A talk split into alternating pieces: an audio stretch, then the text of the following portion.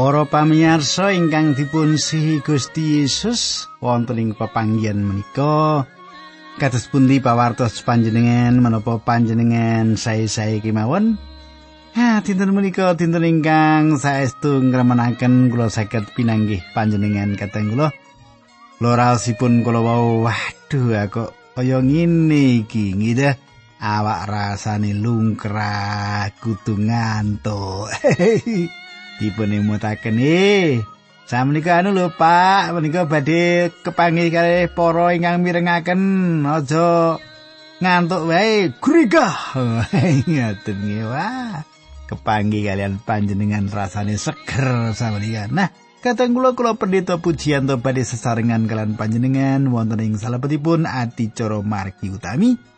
Adicara ingkang dherekaken panjenengan supados langkung kathah mangertos babagan kaitosan pangandikanipun Gusti ingkang samenika sampun ngancik ing kalih babat bab 21. Sugeng midhangetaken adicara menika.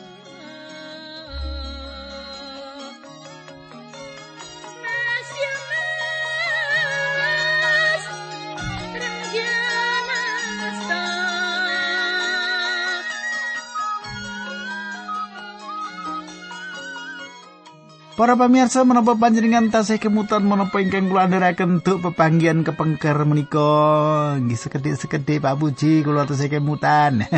Nggih. Kula badhe ngaturaken ring kese kemawon supados paling boten ngemutaken panjenengan.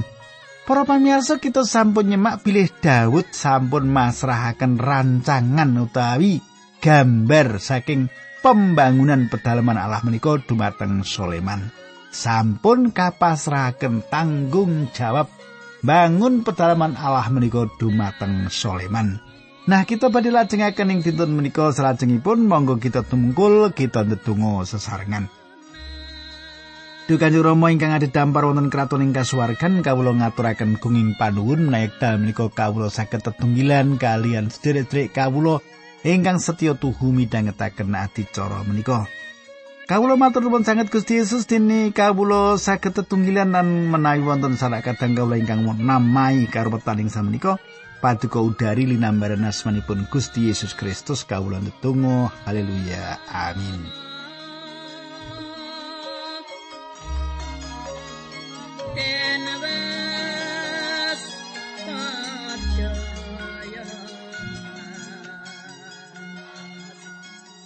Para pamirsa samenika pasinaon kita sampun lumebet kitab setunggal babat bab 28. Lan kula mangke badhe miwiti ayat 14 lan salajengipun kula waos setunggal ayat setunggal ayat. Nggih. Nek kira-kira rada ora patek perlu kita sinau kita langkai makaten nggih. Nah, ing mriki kita ningali ingkang dipun tindakaken Daud.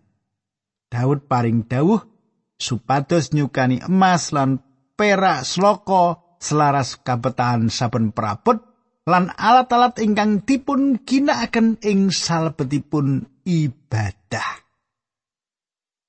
Sabenika kula waosaken ayat 14 ngantos gang 11 setunggal babat bab 28 nggih. Makatan surasipun Sang Nata uga maringake masak bobote kang kabutuhake kanggo gawe sakai barang ing saben pangibadah sarta yo maringake saloko sak bubute kang dibutuhake kanggo gawe sakai barang ing saben pangibadah. Yaiku emas kanggo pendamaran emas bobote sapira kang dibutuhake kanggo gawe siji-sijining pendamaran lan dimari lan sloko kanggo gawe pendamaran sloko bobote sepira kang dibutuhake kanggo saben pendamaran ing sadroning pangibadah Para pamirsa ingkang kula tresnani ing pangandikan menika gadah kekajengan supados mboten wonten wekdal ingkang kosong utawi wekdal ingkang kedah mandek. Mboten wonten wekdal kangge mandek menika ugi ateges supados kita ampun ngantos gadah patrap ingkang medit gegayutan dono ingkang sampun wonten kangge pembangunan pedalaman Gusti Allah. Ampun ngantos medit kegayutan dana ingkang sampun wonten kangge pembangunan pedalaman Gusti Allah. Menika ugi sampun tentu satunggalipun biaya ingkang ageng ingkang dipun dalaken dening Sang Raja Daud. Hampun ngantos gadah penggalih Daud boros kegayutan bangun pedalaman Allah ingkang saestu mewah nanging panjenengan penggalihaken bilih Daud nindakaken sedaya menika kangge kaluhuranipun Gusti Allah. Naripun nek jaman sakmenika nek dadi bendahara ya aja medit-medit. Nggih, wis ngerti nek nggo tuku semen, wis ngerti nggo pembangunan lah kok. Wah, nek arep ngetoke angile raja mak tiang sing dados bendahara ngoten niku naminipun menghambat peladosan nggih. Nah, kula lajengaken ayat 19 nggih. Babat 28 ayat 19 nggih, setunggal babat 28 ayat 19. pangandikane Sang Prabu Daud iku kabeh tinemu ana ing tulisan kang kaparingake dening Pangeran Yehuwah marang ingsun kang isi petedah bab sakai pegawian kang kudu dilakoni semongso nindakake rancangan iku. Para pamirsa ayat menika satunggalipun ayat ingkang ngidapi-dapi. Panjenengan gatosaken gambar bangun pedalaman Gusti Allah menika asalipun saking Gusti Allah piyambak. Menika sami kalian gambar pembangunan kemah suci ugi asalipun saking Gusti Allah. Kita ningali ing mriki bilih Gusti Allah maringi gambar. Gusti Allah milih papan panggilingan gandum arauna. Gusti Allah maringi pitedah lan nyurung Daud nanging kita mangertos bilih Gusti Allah mboten ngidinaken Daud bangun bangunan menika awet dosa-dosanipun ingkang dipun tindakaken.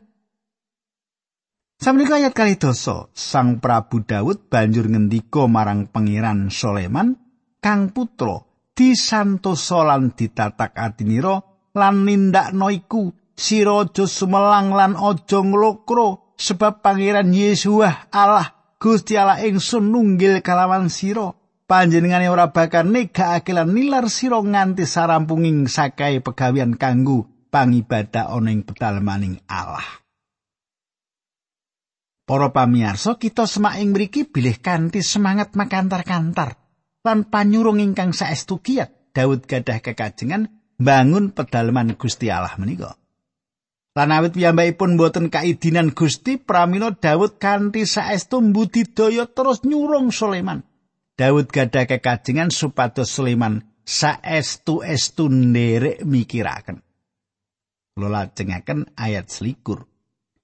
lah golonganing para imam lan para wong lewi wis temawis kanggo saking pangibadah ana ing pedalemaning Allah lan wis ana wong sawetara kang kanthi legawaning ati arep mbiyantu sira kang ahli ing bab nindakake saben pegawean mangkono uga para pemimpin lan rakyat iki kabeh ya padha cumadang marang apa kang sira dawuhake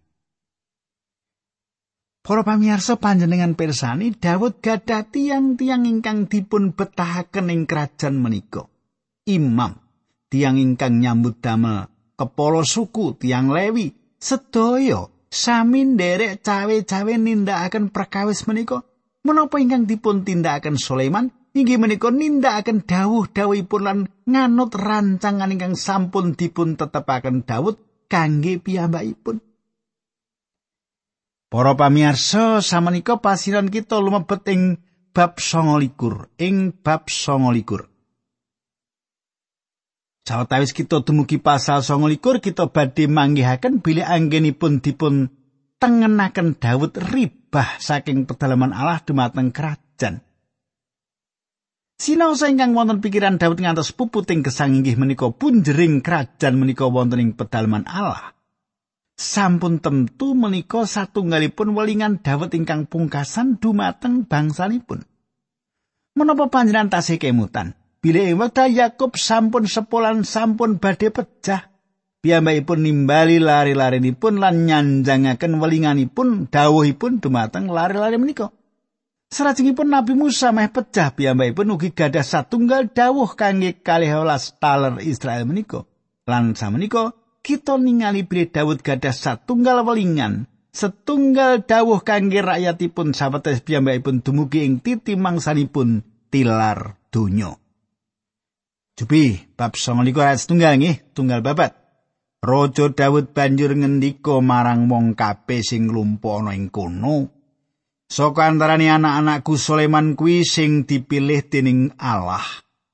Nanging Sulaiman kuwi sing nom lan durung duwe pengalaman mongko pegawean iki ruwa lan ruwet banget tur meneh sing arep dibangun kuwi dudu kedaton kanggo manungsa nanging dalem kanggo ngibadah marang Gusti Allah.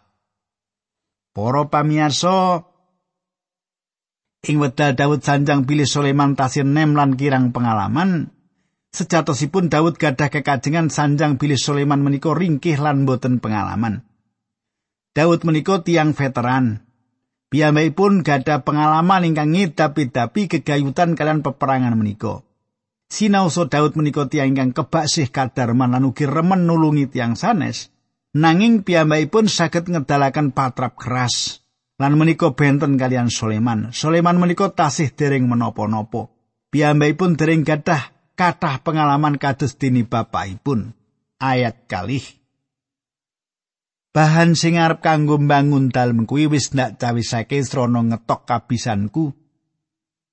Aku wis nyawisake emas, loko, prunggu, wesi kayu, watu-watu sing regani larang lan watu aji, watu-watu renggan lan marmer akeh banget. ayat 3.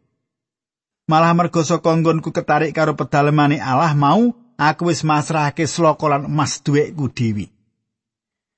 Para pamirsa panjenengan gatosaken Dawud sanjang aku wis nyawisake kanthi tumemen kanggo ngetekake pedaleman kanggo Gusti Allahku.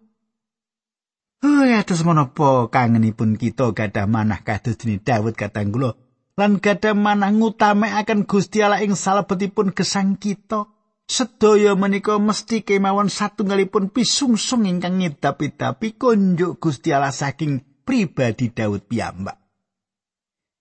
Bab 29 ayat sekawanan gangsal, Mas murni 100 ton luwih lan sloka murni, kurang luwih 240 ton kanggo nglapis tembok pedalemane Allah. Lan kanggo gawe bekakas-bekakas sing kudu digawe dening para tukang sing ahli saiki sapa sing arep saos pisungsung marang Allah kelawan ikhlas sing ati Para pamirsa Daud sampun nyukani patuladan mboten wonten ingkang matesi utawi malangi kegayutan dono weweh Selajengipun piyambakipun nodi dumateng rakyatipun. Ayat 6. Para lajari trah Para lajeri taler, para perwira lan para kepala sing ngreksa bandani raja banjur padha nglairake pepenginane ya melu nyaosake pisungsung. Para pamirsa, samenika tubuh tanggapan saking rakyat. Ayat pitu lan wolu. Pisungsung sing diklumpukake mau rupa bahan kanggo pembangunan pedalemane Allah. Ya kuwi emas 170 ton luwih, seloko 340 ton luwih, perunggu meh 620 ton lan wesi 3400 ton luwih. Ayat 8 wong-wong sing padha duyake padha masrahke barang mau marang Yehiel supaya dilebokake ing kas pedalemane Allah. Yehiel kuwi wong Lewi saka Trah Gerson. Para pamirsa rakyat sami paring sumbangan kanthi rilo legawalan rakyat anginipun nyukani kanthi sukorno. Ayat songo. wong-wong nggone misungsungake barang-barang mau marang Allah kelawan lega lilo lan padha bungah dene barang sing dipisungsungake mau cacahe akeh banget semono uga raja Daud banget bungai Para pamirsa menapa ingkang dipun tindakaken rakyatipun menika andadosaken manahipun Daud trenyuh? Rakyatipun sami rila nyengkuyung pembangunan pedalaman Allah. Kulo rumiyin nate mau sembuyan ingkang sinerat dono weweo nganti atimu tatu. Sembuyan menika saged ugi leres kangge dipun caket nanging sembuyan menika asalipun boten saking Gusti Allah. Menawi panjenengan ngaturaken pisungsung lan awet saking panjenengan ngaturaken pisungsung menika panjenengan rugi, mila ampun ngaturaken pisungsung. Gusti Allah mboten ngersakaken kita ngaturaken pisungsung dumateng panjenenganipun menawi kita rumaos rugi. Para pamirsa Gusti Allah ngersakaken panjenengan ngaturaken pisungsung menawi panci kanthi pisungsung menika. Saestu-estu Anda tengaken kabingahan dumateng manah lan gesang panjenengan. Panjenengan atur pisungsung kanthi pingah. Kados makaten Paulus ngendikan, inggih menika ingkang dipun tindakaken rakyat Israel ing salebetipun cariyos menika. Lan menika mesti kemawon satunggalipun wekdal kangge bingah-bingah. Setunggal babat 29 ayat 12. Ana ing ngarepe wong akeh mau Raja Daud memuji marang Allah tembungi.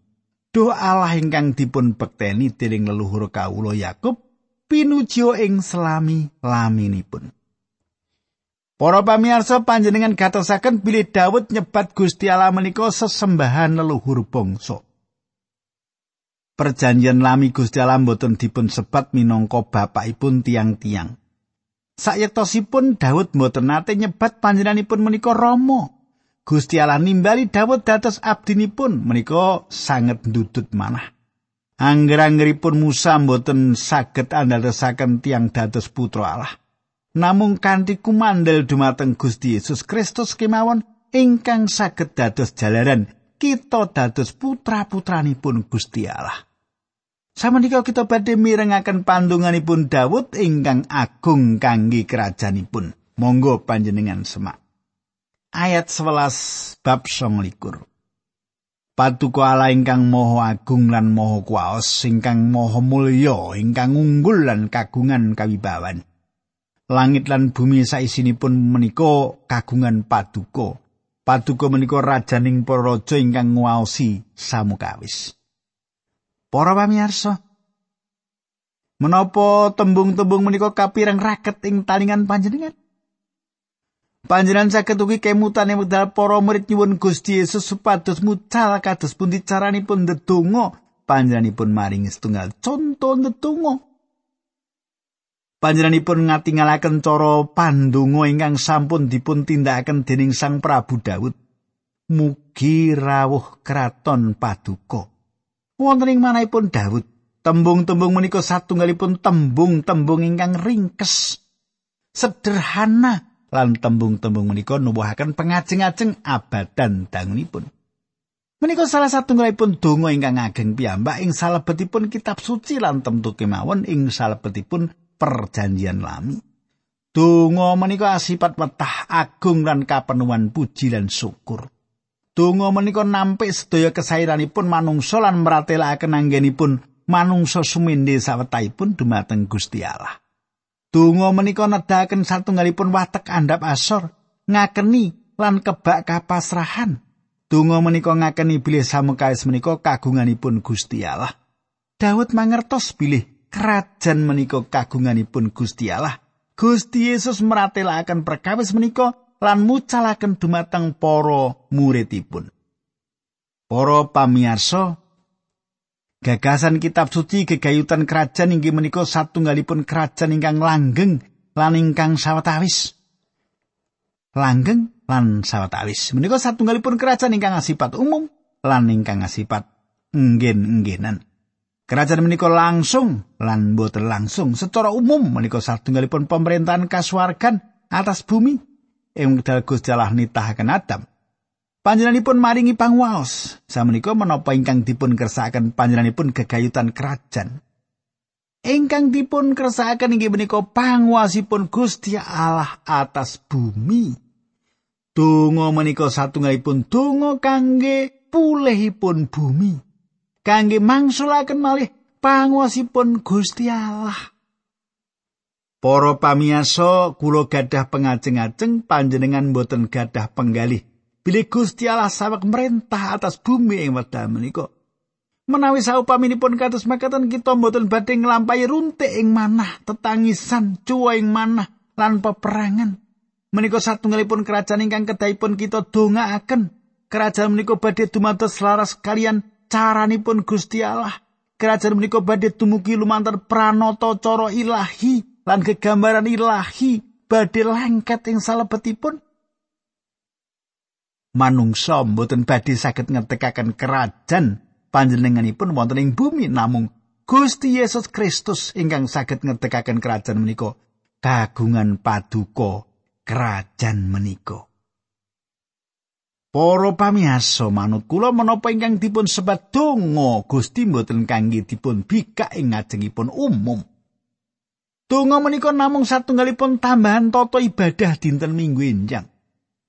Kula pitados bilih donga menika sae kangge ibadah pribadi. Kagungan paduka kerajaan menika kedadados donga ing saben tiyang. Daud sawek ningali mangsa tembe dumateng datengipun kerajaan menika ing salebeting bumi. Menika badhe dados satunggalipun wekdal ingkang luhur ayat 18. Kawula menika sinten lan rakyat menika sinten kok ngantos saged nyaosaken menapa-menapa katuring paduka. Margi sedaya kadhan kawula menika peparing paduka piyambak lan menapa ingkang kawula caosaken menika inggih kagungan paduka piyambak. Para pamirsa perkawis ingkang kedah dipun katosaken inggih menika bilih panjenenganipun boten saged ngaturaken pisungsung menapa kemawon kunjuk Gusti Allah. Awit samukawis menika kagunganipun Gusti Allah. Nanging panjenenganipun saged berkahi panjenengan ing wekdal panjenengan ngaturaken pisungsung lan panjenenganipun badhe berkahi panjenengan. Jeler menapa sawetawis sing antawisipun kita sanget melarat lan cetek cara mikiripun amit kita mboten gadah watek kadarman dumateng Gusti Allah. Gusti Allah namung saged berkahi kita ing wekdal kita mbikak manah kita dumateng panjenenganipun. Ayat 16 Duh pangeran Allah kawulo barang-barang pangaos ingkang sami kawulo klempakaken ing mriki menika badhe kangge ngetekaken pedalaman kagem paduka supados kawula sami saged ngurmati asma paduka ingkang suci nanging barang-barang waos daya kawula tampi saking paduka piyambalan inggih pancen kagungan paduka. Oh kados menapa? Kita mbetahaken perkawis menika samenika sesamunipun berkahi Gusti Allah lan misungsungaken korban konjuk panjenenganipun rakyat ngangkat Sulaiman dados raja. Bab 29 ayat 23 ngantos 23 Ing dina kuwi umat Israel padha mangan lan ngombe kanthi bungah ana ing ngarsane Allah. Ing dina kuwi uga Sulaiman dijebati meneh diresmekake dadi raja lan Sadok dadi imam. Sulaiman nganti kang Rama Raja Daud nglenggahi damparing keprabon kaya sing ditetepake dening Allah. Sulaiman keturutan apa sing dadi gegayuhane lan rakyat kabeh sumuyut kalayan wedi asih. Para pamirsa, Kerajaan menika manunggal kebaba panguwasipun Sulaiman lan Sulaiman nindakaken srah-srahan panguwas kerajaan ing ngajeng layonipun Daud. Ayat 6 likur, pitu likur, likur. Daud ben Isai ngeratoni bangsa Israel kabeh. Lawasi patang puluh tahun, nggoni manggon ing Hebron lawasi pitung tahun dan ing Yerusalem telung puluh telu tahun. Daud dadi raja sing sugih banget kajeng karingan lan dawa umure Sulaiman putraning genteni dadi raja. Para pamirsa menika satunggalipun seratan ingkang sampun dipun paringaken Gusti Allah. Panjenenganipun ngersakaken panjenengan mangertos kados pundi reraosanipun gegayutan kelan Daud. Saged ugi panjenengan boten remen dumateng Daud nanging Gusti Allah remen dumateng Daud. Kulo remen bilih Gusti Allah remen dumateng Daud lan ngurusi Daud kanthi limrah. Kasunyatan menika mbingahaken manah kulo Kulo ugi sanget tining limrah lan kulo sampun manggihaken bilih Gusti Allah badhe ngurus kulo. Kali kebak sih kawalasan lan ugi keras sami kados panjenengan ngurus Daud. Gusti menika sae. Gusti menika ngiram-iramaken panjenengan lan kula mboten saged ngedekaken satunggalipun pedalaman kangge panjenenganipun nanging kita saged manggihaken satunggalipun perkawis ingkang ageng ing wedal panjenenganipun manggihaken kula nanging kula menika dados kagunganipun saestu satunggalipun kabingan menawi kita nyumendhekaken badan kita dumateng panjenenganipun. Kadang kula monggo kita tumungkul kita ndedonga. Kanjeng Rama ing swarga kawula matur nuwun sanget menawi wekdal menika kawula saged ngaturaken pamedhar dumateng sanak kadang kawula. Paduka kiyataken Gusti supados menapa ingkang abdi paduka andharaken menika saged dados kegiatan lan panikuran. Dinambaran asmanipun Gusti Yesus Kristus kawula netunggal haleluya. Amin